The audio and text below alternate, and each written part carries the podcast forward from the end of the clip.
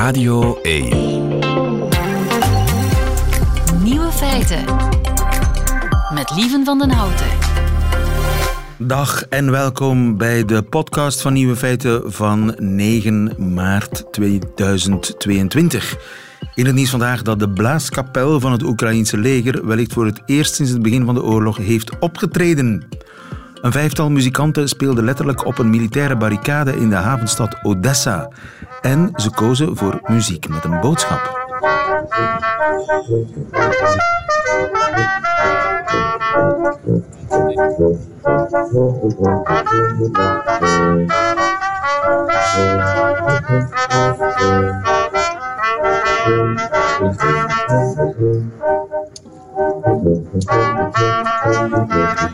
Don't worry, be happy. Een oproep aan de inwoners van Odessa om er de moed in te houden. Bobby McFerrin heeft overigens al laten weten diep ontroerd te zijn door deze wel heel bijzondere cover van zijn succesnummer. De andere nieuwe feiten vandaag. Rusland beweert helemaal niet uit te zijn op een regimewissel in Kiev. De oorlog tussen Rusland en Oekraïne is ook een oorlog tussen twee soorten mannelijkheid. En de rectoren van de universiteiten in Rusland scharen zich achter Poetin. Veel Oekraïne ook in de woensdagquiz en de nieuwe feiten van Johan Terrein, die hoort u in zijn middagjournaal. Veel plezier.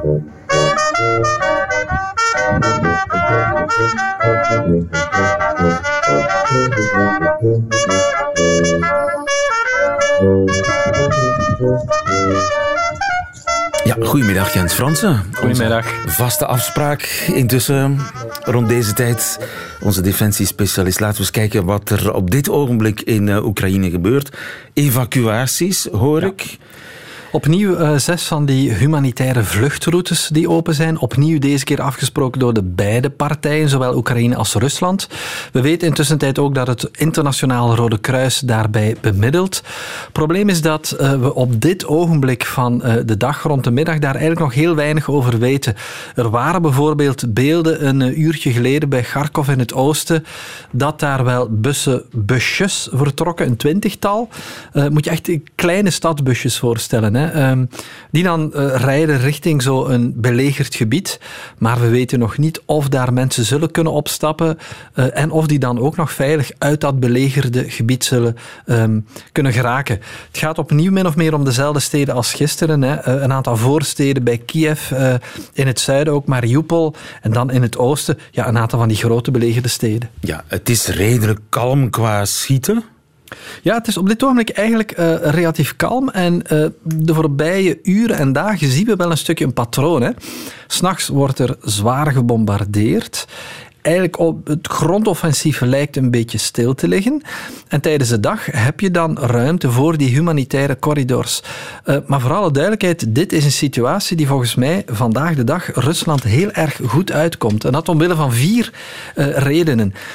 Oké. Willen of niet, die evacuaties, en dat klinkt een beetje cynisch, die putten natuurlijk het Oekraïnse leger ook wel uit. Want zij zorgen voor hun eigen mensen natuurlijk. Het gaat ook om Oekraïners. Dus zij begeleiden soms af en toe die mensen, omdat er bruggen onderbroken zijn. Het tweede is, en dat is ook weer heel erg cynisch, sorry, maar het leegt de steden. We hebben dat gisteren ook al aangehaald. Eh, we hebben dat in Syrië gezien. Als je die burgers eruit haalt, zou het Russische leger binnen x aantal dagen wel eens veel makkelijker, heel zwaar kunnen gaan bombarderen. En zeg het, ja, wie kon, kon wel die stad verlaten. Wie het niet heeft gedaan, is geen burger, maar een strijder. Een van die, een van die minibusjes. Een van die minibusjes. Ja. En dan spreken we over ja, als je die 20 busjes bekijkt, ja, dat gaat over 400 mensen, 400, 500 mensen. Terwijl het gaat om honderdduizenden mensen die die steden uit willen. Ja. Het koopt Rusland op dit ogenblik ook tijd. Ja. En Rusland kan op dit ogenblik herbevoorraden en, en zijn troepen eventueel gaan hergroeperen, want dat grondoffensief loopt slecht.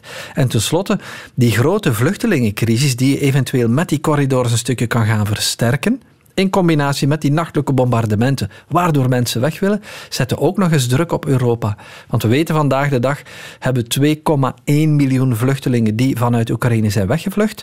Europa waarschuwt dat het tot 4 miljoen zou kunnen gaan, die vluchtelingen. Ja, maar we zijn er klaar voor. We schaffen dat, toch? We schaffen dat. Uh, uh, opvallend is dat een aantal landen die vroeger veel minder vluchtelingen geneigd waren om op te nemen, Polen, uh, Hongarije bijvoorbeeld, ja, die staan ja, Het gaat tenslotte om hun buurlanden. Hè.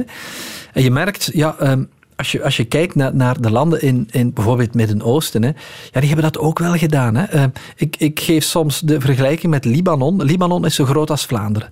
6 miljoen inwoners. Libanon heeft 1 miljoen Syrische vluchtelingen opgevangen. Dus het kan. Als de Libanezen dat kunnen. Het kan. En vooral duidelijkheid, Libanon had daar ook niet om gevraagd. Het is een arm landje wat 15 jaar burgeroorlog achter de kiezen heeft. Ja, dus het militaire hebben we gehad. Dat is een beetje dubbel. Het ligt kalm, maar het kan zijn dat dat de stilte voor de storm is. Uh, diplomatiek, er zijn ook signalen uit Moskou. Ja, maar wij willen praten. En het, hoeft, het hoeft geen regeringswissel te zijn. Nee, nee dat is heel erg vreemd. Dus het, eh, het Russische ministerie van Buitenlandse Zaken die heeft vanmorgen een persconferentie gegeven. Die zeggen nu... Uh, voor alle duidelijkheid, eh, beste wereld, het militaire plan loopt volstrekt volgens plan. Voordeel is, als je op voorhand natuurlijk geen objectieven hebt uitgezet en als je daar heel vaag over bent, kan je altijd zeggen dat volgens plan verloopt en zou je zelfs morgen kunnen zeggen, onze objectieven, wat die ook waren, zijn bereikt. En dus we kunnen een akkoord gaan sluiten. Aan tafel. Ja. Belangrijk daarin natuurlijk is dat je ziet dat er een opening wordt gemaakt voor morgen. Hè. De, het, het grote topoverleg van het op één na hoogste niveau zijn de, de ministers van Buitenlandse Zaken van aan de ene kant Rusland, aan de andere kant Oekraïne. Dat is voor het eerst hè, dat die samenkomen. Voor het eerst. En die gaan morgen um, in Turkije, in Antalya, samen zitten om te spreken als alles doorgaat. Maar we weten, de Russische minister van Buitenlandse Zaken is vanmorgen vertrokken naar Turkije. Ja, maar anderzijds zou je kunnen afvragen, Rusland wil toch eerst een grote trofee kunnen binnenhalen, militair, om dan gesterkt aan die onderhandelingstafel te gaan zitten. Dat zou kunnen. En dat is meestal de, de, de, de, de, tactiek die je inderdaad ziet. Hè. In de laatste uren voor akkoorden of voor onderhandelingen wordt het zwaarst gevochten. Um, Bijvoorbeeld het befaamde Institute of War in Washington waarschuwt dat deze luwte nu gebruikt wordt om te hergroeperen, te herbevoorraden, om eventueel toch nog eens te kijken of Kiev kan worden aangevallen. Maar opnieuw, het is heel erg moeilijk om in het hoofd te kijken van Vladimir Poetin en zijn militaire adviseurs. Blijven proberen. Aan de andere kant heb je dan die, die Poolse deal die niet doorgaat. Polen wou uh, ja, vliegtuigen via Amerika leveren. Amerikanen zeggen nee. Nee, je moet natuurlijk weten, het gaat om een heel specifiek type vliegtuigen. Hè. Het gaat om Russische gevechtsvliegtuigen. Nu zou je je kunnen afvragen van hoe komt het dat Polen, toch een NAVO-land, Russische gevechtsvliegtuigen heeft. Dat is natuurlijk een erfenis van ja, de, de val van de muur. Hè. Toen zat Polen aan de andere kant. Die hebben nog een erfenis oude Russische vliegtuigen. Dat was toen heel interessant voor het Westen, want we hebben al die toestellen kunnen openvijzen en kunnen kijken wat die doen. Polen heeft nog een aantal van die oude vliegtuigen. Bulgarije heeft die ook nog.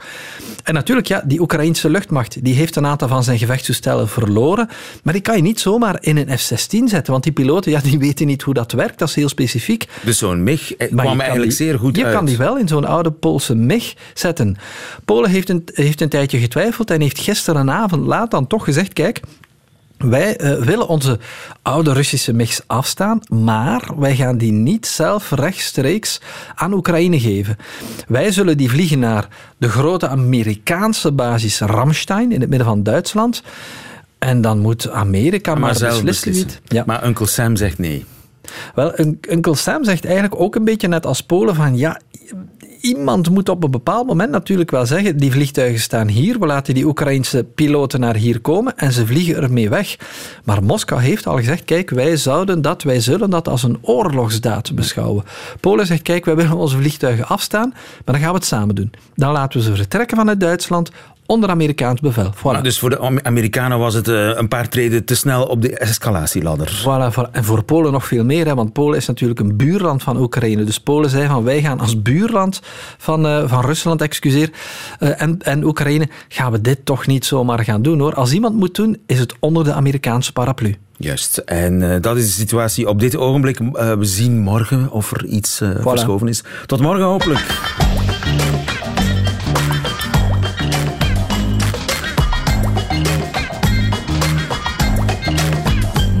Feiten. 181 rectoren van even zoveel universiteiten in Rusland staan als één man achter Poetin. Hebben ze per brief laten weten. Koen Schoors, goedemiddag. Goedemiddag.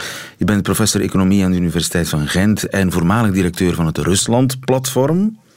Juist. U, staat, u bent een Rusland-kenner. Bent u geschrokken Uh, van die brief uh, niet zozeer geschrokken, dan wel onthoogeld. Dus wat er nu gebeurt in Rusland is dat er uh, enorm zware druk wordt uitgeoefend op universiteiten. Het is sowieso al het geval dat heel veel universiteiten de laatste jaren de rectoren veranderd zijn door, laten we maar zeggen, marionetten van het regime om alle alle verzet en alle liberale impulsen in de kiem te smoren. En die hebben die marionetten zich dus uh, netjes gedragen en de brief uh, ondertekend uh, die de oorlog in Oekraïne steunt. Natuurlijk noemt het niet oorlog, maar het is een oorlog. Het probleem voor onze universiteiten is vanzelfsprekend dat we met een aantal van die universiteiten institutionele relaties hebben. Ja. Dus we gaan die nu toch bekijken en waarschijnlijk bevriezen. Waarschijnlijk bevriezen. Maar ik, maar ik mag nog niet zeggen dat het niet officieel beslist is. we zullen het stilhouden. De beslissing ja, moet nog genomen worden. Maar uh, ja, je kunt niet anders, hè? Eh, we moeten, uh, vind ik persoonlijk, en ik spreek dan gewoon voor mezelf, niet voor de universiteit, we moeten, dit kan niet. moeten, Eén ding is, werken ook samen met collega's die nu uh, in tranen zijn, die allemaal willen vluchten met de, met de tienduizenden, uh, meer zelfs, uh, meer dan honderdduizend zijn er al het land uitgevlucht. Dus Russen. iedereen die een beetje Russen. Ja, iedereen die een beetje normaal denkt, Rusland wil je natuurlijk weg, want het wordt voor hen echt gevaarlijk. Krijg je veel post uit Rusland? Heel veel. En ook, ook heel veel uh, calls en mensen die zeggen, kunt je mij niet, kan ik niet werken in Gent of in, Europa of in België aan de universiteit of iets anders als ik maar hier werk kan. Dus de, de nood is totaal uh, bij die Russische academici, want die willen met dat regime niets van doen hebben. Maar een universiteiten steunen officieel de oorlog. Dus dat is de enorme spanning. Institutioneel zit je met eigenlijk een universiteit waar je op zich niet wil mee samenwerken. Maar in de instelling is het vol mensen die je net wil ondersteunen. Want zij zijn, als er enige hoop is in Rusland, de enige hoop van Rusland. Dus die uh, rectoren die die brief hebben geschreven, die vertegenwoordigen volgens jou absoluut niet de, de, de gedachten van hun academisch personeel? Wel, ik denk zeker niet van het academisch personeel. Natuurlijk moet daar genuanceerd over zijn. Er zijn mensen in Rusland die het steunen. Hè? Maar uh, als je kijkt naar de academische wereld, zal de gemiddelde collega dat zeker niet steunen. Maar natuurlijk heb je dan ook nog de studenten. En mocht niet vergeten, die mensen, zowel uh, collega's als studenten, zitten al uh, heel lang onder zware propaganda. Maar zij zijn degenen die wel nog toegang hadden tot andere berichtgeving. Want zij spreken andere talen, dus zij volgen ook de westerse media en zij weten wat er gebeurt. Maar veel mensen in Rusland weten totaal nog niet wat er gebeurt. Dat zal onvermijdelijk wel komen, want je kan niet... uh, duizenden doden verborgen houden voor je eigen volk natuurlijk. Ja. Maar nee. uh, momenteel zijn mensen gewoon niet op de hoogte van wat er gebeurt. En zijn er veel Russische studenten in Gent? Er zijn Russische studenten in Gent, uh, daar zijn we nu mee bezig. Dus een van de problemen de facto is, natuurlijk hebben ook Oekraïnse studenten, die zitten soms in dezelfde klas. dus dat is op zich al ingewikkeld. Dat is nu voor mij van vanmiddag eigenlijk het geval. Uh, dus dat is uh, complex. Dus je hebt lesgegeven uh, van... aan, aan Oekraïners en Russen in Gent? Ja, ja de, een Oekraïnse dame wie's ouders in Kharkiv zitten. En dan een Russische, Russische persoon die mensen kent die nu aan het vechten zijn. Ja. En hoe bleek dus, dat, dat in de loop van uw les? mensen hebben daar niks mee te zien. Nee. Sorry, ik heb u onderbroken. Maar, bedoel, hoe bleek dat in die les? Werd, werd dat besproken? Nee, dat wordt niet in de les besproken, maar dat, in de les gaat het wel over uh, zijdelings over instituties en over corruptie en over mediavrijheid en dergelijke dingen.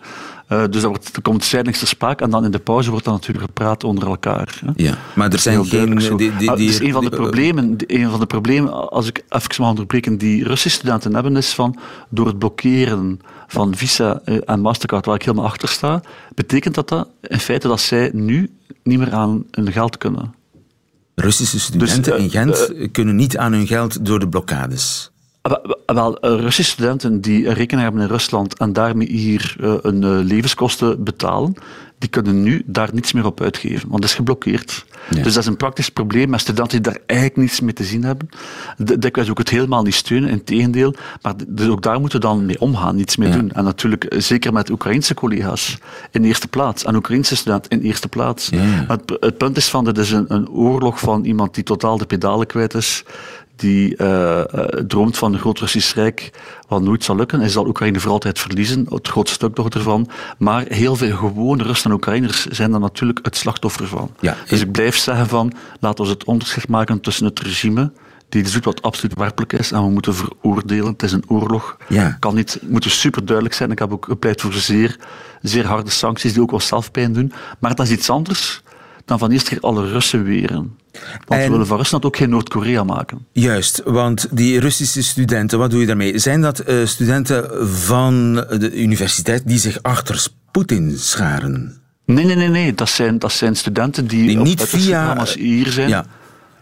En die in principe niks met die, die ja, uh, laten we zeggen, patriotische Russische universiteiten te maken hebben. Maar soms wel, hè. Ja. Soms wel. Soms zijn zij studenten van een universiteit die iets eigenlijk heeft getekend, natuurlijk. Ja, wat doe je daarmee? Maar natuurlijk, de, het, is niet, het is niet omdat uh, dat is niet omdat Poetin iets tekent, alle Russen dat steunen. Het is niet omdat een rector van de universiteit iets tekent, dat die studenten dat steunen. Juist, maar als dus je die, die, die, relaties met die universiteiten verbreekt, ja, verbreek je dan ook niet automatisch de relaties met hun studenten hier? Ah, wel, dat is een moeilijke kwestie, dat, we dus, uh, dat ik nu niet ga, geen uitspraak ga over doen, maar die we gaan bespreken en die alle universiteiten denk ik aan bespreken zijn, van hoe we daar het best mee omgaan. Ja. Want we is er een dat onderscheid blijven maken tussen enerzijds instelling en anderzijds persoon. Ja.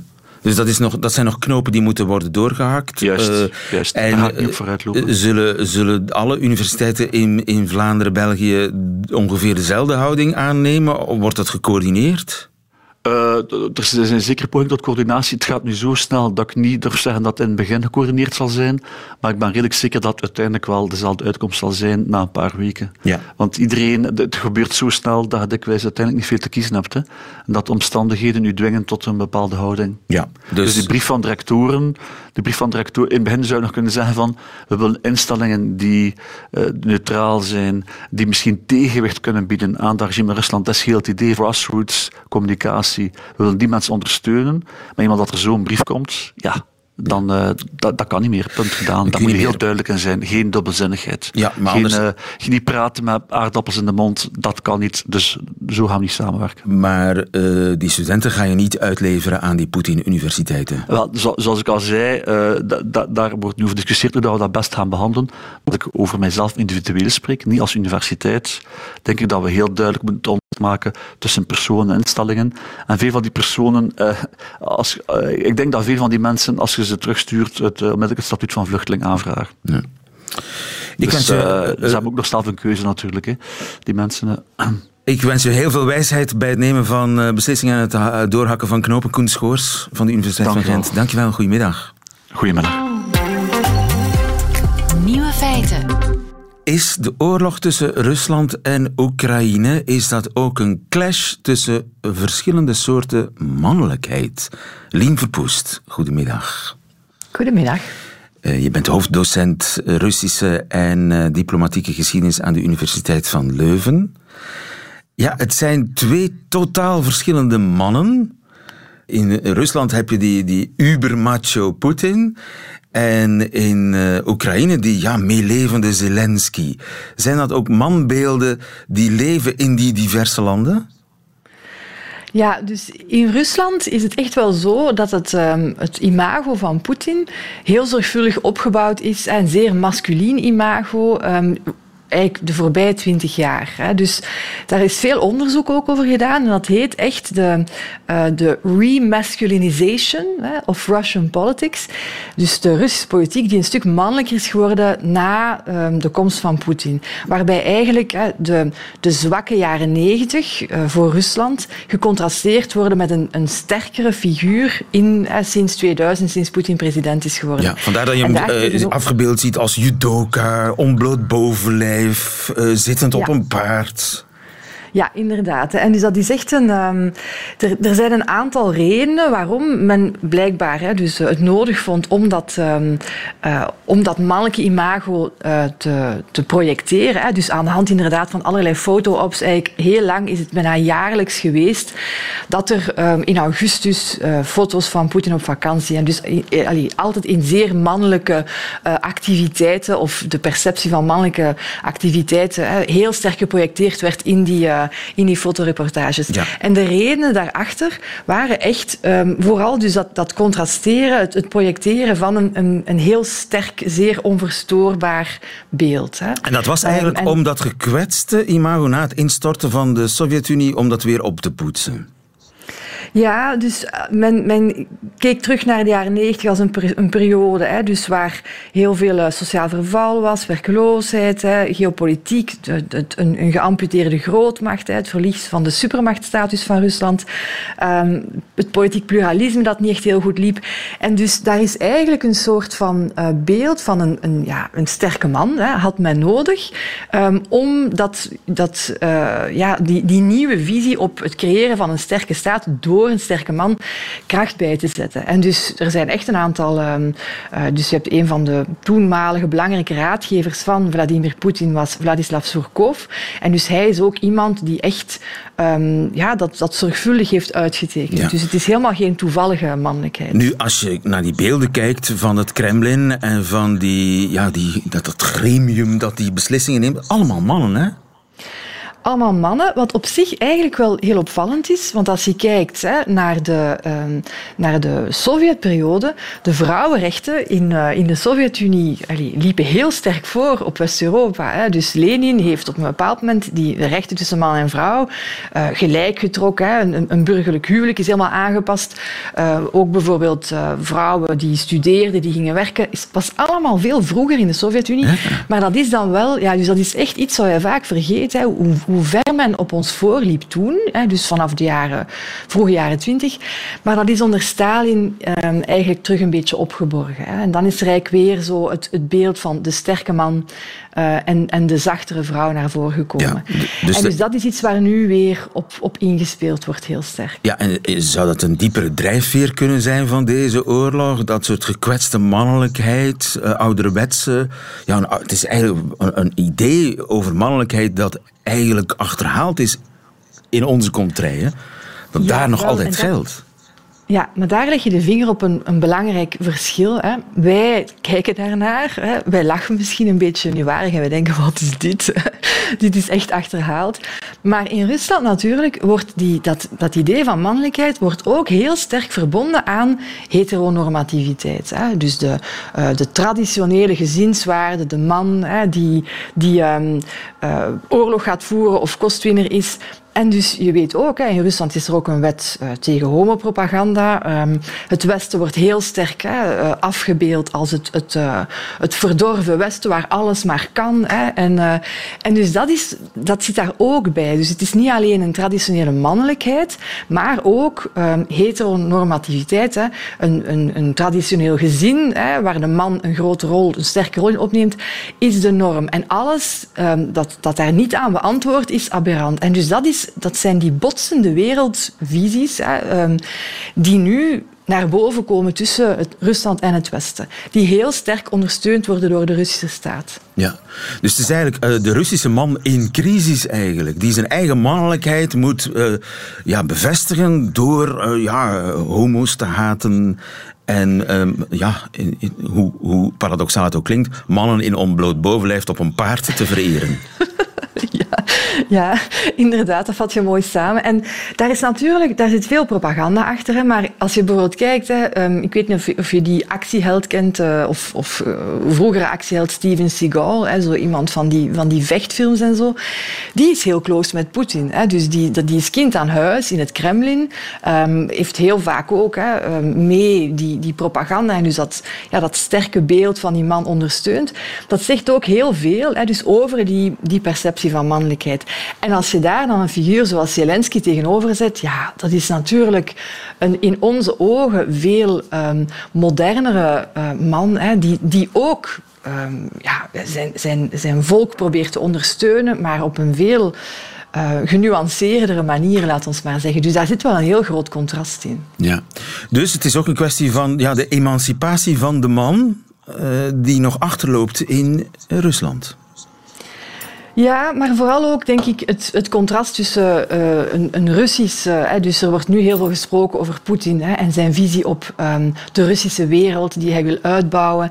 En dus daar krijgen traditionele uh, waarden, een traditioneel gezin, een sterke uh, masculine man, heteronormativiteit, krijgen daar heel veel ruimte in. Hè. Dus ik denk dat je het ook breder daarin moet zien. Uh, waarbij, als je ook kijkt naar de propaganda, bijvoorbeeld ten tijde van de annexatie van de Krim, um, Oekraïne werd heel vaak als het zwakke vrouwelijke ehm, land beschouwd. Dus het was echt een contrast, de sterke man en de zwakke vrouw. En dus bijvoorbeeld Oekraïne werd heel vaak als de minares van de VS afgebeeld. En dus daar werd ook heel sterk mee, mee gespeeld. Ehm, dus daar heeft het ook wel mee te maken. Denk ja, dus hoe concepten over gender een rol spelen in uh, dit conflict. Heel merkwaardig. Dankjewel, Lien Verpoest. Goedemiddag. Graag gedaan.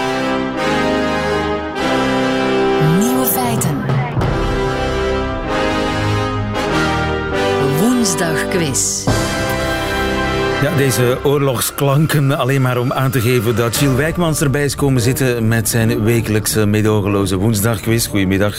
Goedemiddag. Gilles. We spelen voor een boekenbon van 25 euro te gebruiken bij een onafhankelijke boekhandelaar aangesloten bij Confituur. De quiz is samengesteld door Gilles. Hij zal ook jury zijn. We spelen onder meer met Stijn. Goedemiddag, Stijn.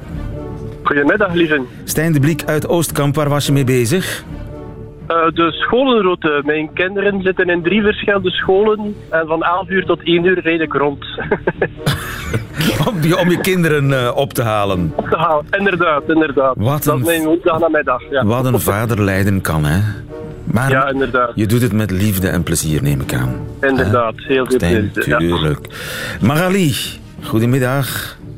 Goedemiddag. Magali de Planter uit Aalter, wat was jij aan het doen toen ik jou belde? Ik was um, wat restjes bijeen aan het gooien om een middagmaal ineen te planten. Dat zijn de lekkerste, die restjes, vind ik. wat, zat er, wat zat er onder meer in? Uh, tomatensaus, uh, een beetje bellumi, um, bloemkool van gisteren. Uh, dus ja, dat, Hier, dat wordt het, water, het water komt mij in de mond, Magali. Goed, ik ga jullie kennis testen van vier nieuwe feiten. Ik begin bij Stijn, want die heeft zich het eerst gemeld. En zolang hij juist antwoordt, blijft hij aan de beurt. Bij een fout antwoord gaat die beurt naar Magali. En wie het laatste nieuwe feit goed kent, die wint deze quiz. Stijn, er is Ja. iets aan de hand met het standbeeld van Ronaldo, Cristiano Ronaldo, in zijn geboortestad Funchal in, of Funchal, hoe moet je het uitspreken? De, uh, Portugezen spreken vaak met de sh, dus ik zou Funchal. Funchal zeggen. In Portugal, daar is iets aan de hand. A. Alle meeuwen van de stad gebruiken dat als toilet. B. Het kruis van Ronaldo's standbeeld begint af te slijten, omdat toeristen er voortdurend over wrijven. C. Dat standbeeld wordt telkens gestolen door supporters van FC Barcelona. Stijn, Ehm, ik denk B, lieve. je denkt B. Dat is helemaal goed. Zou jij je kunnen beheersen, Stijn? Ehm, ik wel, ja. Mijn Er was toch even twijfel. er was toch even... Jij zou je zeker niet kunnen beheersen, denk ik, hè? Ja, absoluut. Ik heb niks met Cristiano Ronaldo. Oei. Ik ben geen voetbalfan, sowieso niet, maar... Maar dat kruis, dat schijnt een, onaan, eh, een onweerstaanbare drang Ja. eh, bij toeristen. Absoluut. Hoe, hoe zit dat? Wel, het standbeeld dat werd in 2019 onthuld en heeft nogal, laten we zeggen, ehm, buitengewone proporties. Ehm, en ondertussen is het zelfs een toeristische attractie geworden, of een toeristische traditie om over het kruis van dat standbeeld te wrijven, omdat het nogal prominent in beeld is. En ja, het standbeeld is gemaakt van brons, dus normaal krijgt dat een hele natuurlijke groene kleur. Alleen het kruis heeft nu nog een heel gepolijste look. Ja. Wat het nog meer in het oog doet springen natuurlijk. Ja, wij zouden ons natuurlijk kunnen beheersen, maar kennelijk... Als je dan oog in oog met Ronaldo staat... Sommige stoere voetbalsupporters niet. Vraag 2, we blijven bij Stijn. Verschillende bedrijven en organisaties distancieren zich zo ver mogelijk van Rusland deze dagen. Welke maatregelen hebben wij verzonnen? Dat is de vraag. hè. Wat hebben we verzonnen? A. Amerikaanse bars noemen de cocktail Moscow, Moscow Mule nu Ukrainian Mule. B. De straat waarin de Russische ambassade in Albanië ligt, die heet voortaan Vrij Oekraïne-straat. C. Modeltreinbouwers stoppen de productie van de modelversie van de Trans-Siberische Express.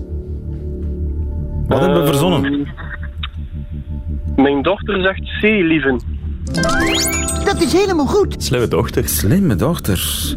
Gilles, dus eh, de, de, dat, de andere twee zijn niet verzonnen. Dus dat van die Amerikaanse bars die hun cocktails van naam veranderen, omdat Ja. er Moskou in staat. Inderdaad, verschillende bars hebben dat besloten. Dus er zijn verschillende opties nu. De Ukrainian Mule of de Kiev Mule. En de, eh, de burgemeester van de Albanese hoofdstad Tirana, die heeft al gezegd wij gaan die naam van de, Russische, van de straat waar de Russische ambassade in ligt veranderen in Vrij Oekraïne.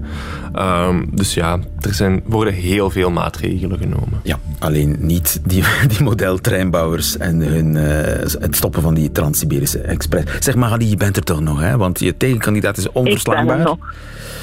Moet houden, moet ik heb houden. Er- antwoord genomen, dus ehm, Ja. dat is jammer. Dat- Jammer, jammer, jammer. Vraag 3. Ik blijf bij Stijn. Welk onverwacht effect had lood in benzine volgens een nieuw onderzoek op de Amerikaanse bevolking? A. Het zorgde voor een collectief verlies van 824 miljoen IQ-punten. B. Amerikanen werden sinds het gebruik van lood in benzine gemiddeld 6 centimeter kleiner. C. Sinds de toevoeging van lood is het aantal oorlogen dat Amerika startte met 17% gestegen. Stijn. Oh, ehm, ik denk lood en. Ik denk A, lieven. Dat is helemaal goed.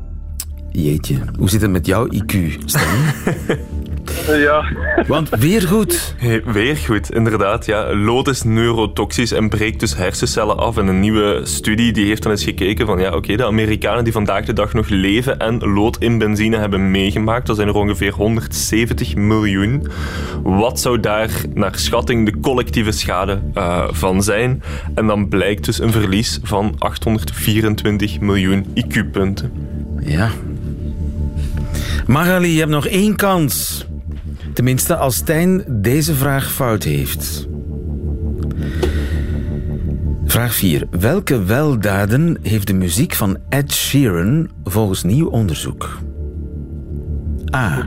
Ed Sheeran op de radio doet automobilisten 5% trager rijden. B. Honden vallen er zeer goed van in slaap. C. Koppels die samen naar Ed Sheeran luisteren, die scheiden minder vaak. Ehm, mijn dochter zegt B, lieven. Dat is helemaal goed. Het is gebeurd. When I fall, you see the best in me. Ik val al in slaap. Magali, helaas, het heeft niet mogen zijn. Ofwel was de quiz te makkelijk. Ofwel was je eh, tegenkandidaat te sterk, Magali. Maar je bent er helaas niet aan te pas gekomen. Mag je toch heel erg veel danken voor je deelname. Eh, graag gedaan. En uh, proficiat aan de dochters van Stijn. Hè. Uh, proficiat aan de Ja, dochters van Stijn. Want zonder de dochter was het inderdaad Ja. misschien niet gelukt. Ja, Stijn, daar moeten we toch eerlijk in zijn, Ja. Magali. Je hebt tomatensaus en bloemkool. Dus wat wil je nog meer? Misschien een boekenbon van 25 euro, maar die gaat naar Stijn de Bliek. Stijn, wat ga je kopen met je 25 euro? Weet je dat al? Ah, wel, mijn dochter is een vervent lezer, dus eh, ik zal de cadeaubon aan haar doorgeven en zij dan een eh, mooi boek aan het kiezen, want ik zelf ben niet zo'n eh, lezer. Ja, en ze hebben te- terecht ook de kans op eerste keus bij je in de boekhandel. Eh, gefeliciteerd nogmaals, Stijn de Bliek. En dus het klopt van dat slaap-effect van eh, ja. Ed Sheeran? Het is een onderzoek, een opdracht van een Brits gordijnenbedrijf. Die hebben dan de meest populaire slaapafspeellijst op Spotify geanalyseerd. Een, En die- gordijn, Ja, dat is louter toevallig. Ja, ja, de reclame maken doe je op- in 2022 op heel speciale manieren. En zij hebben dus gekeken ja, van welke liedjes in die lijsten vallen honden het meest in slaap. En dan blijkt dus het lied dat wij net hebben gehoord van Ed Sheeran, The Joker en The Queen het meest effectief. Waarvoor dank. Stijn, nogmaals gefeliciteerd. Volgende week is er weer een woensdagquiz. Radio 1. Nieuwe feiten. Ziezo, dat waren ze, de nieuwe feiten van woensdag 9 maart 2022. Alleen nog die van Johan Terrein nu in zijn middagjournaal. Nieuwe feiten. Middagjournaal. Beste luisteraar, langzaamaan wordt duidelijk welke ravage de pandemie heeft aangericht. Bij mij kwam dat tot uiting toen Wim Oosterlink me vroeg drie boeken te selecteren voor zijn podcast. Ik vind zo'n vraag doorgaans prettig, maar bovenal een hele verantwoordelijkheid. Nadat ik drie keer had overwogen het aanbod vriendelijk af te wijzen, besloot ik toch eerst de oefening voor mezelf te maken. Ik keek naar mijn boekenkast en stelde de ravage van de pandemie met eigen ogen vast. Dat het me nog niet eerder was gaan opvallen, heeft te maken met het feit dat ik nieuwe boeken, die ik nog moet lezen, op mijn nachtkastje verzamel. Een grote stapel die maar moeilijk kleiner wordt, aangezien ik in een hoger tempo boeken koop dan lees. Maar in mijn slaapkamer heeft u niets te zoeken, terug naar mijn boekenkast. Die bleek op een goede dag, toen ik netjes in mijn kot bleef en er verder niets om handen was, een metamorfose te hebben ondergaan. Terwijl vroeger alles netjes gerangschikt stond, Nederlandstalige literatuur, Engelstalige literatuur, non-fictie, poëzie, stonden de boeken nu gerangschikt per kleur. Het moet in een opwelling gebeurd zijn, een opperste staat van verveling ook, maar het resultaat was wel dat ik geen enkel boek terugvond. Ik heb eens een vriendin gehad die dat ook deed. Ik heb haar daar toen liefdevol mee uitgelachen, maar het stond wel goed in haar interieur. En u weet ook, beste luisteraar, dat wij met z'n allen nooit voorheen zoveel aandacht hebben gehad voor ons interieur als tijdens de opeenvolgende lockdowns. Het exterieur was namelijk gesloten. Ik was wel even fris vergeten dat die vriendin de wonderlijke gave heeft om boeken te onthouden met hun kaftkleur en dus zo moeiteloos een boek kan terugvinden. Die gave mis ik helaas, waardoor ik dus inspiratie zoekend voor die podcast geen enkel boek terugvond. Ik heb niet beleefd afgezegd evenwel, want gelukkig en geheel toevallig ook bleek mijn selectie van drie boeken nog op mijn nachtkastje te liggen. Bij deze mag je dus een gouden raad op zak steken. Als je geen visueel geheugen hebt, schik je boeken nooit op kleur, want ze zijn verloren voor de eeuwigheid en verworden tot interieur.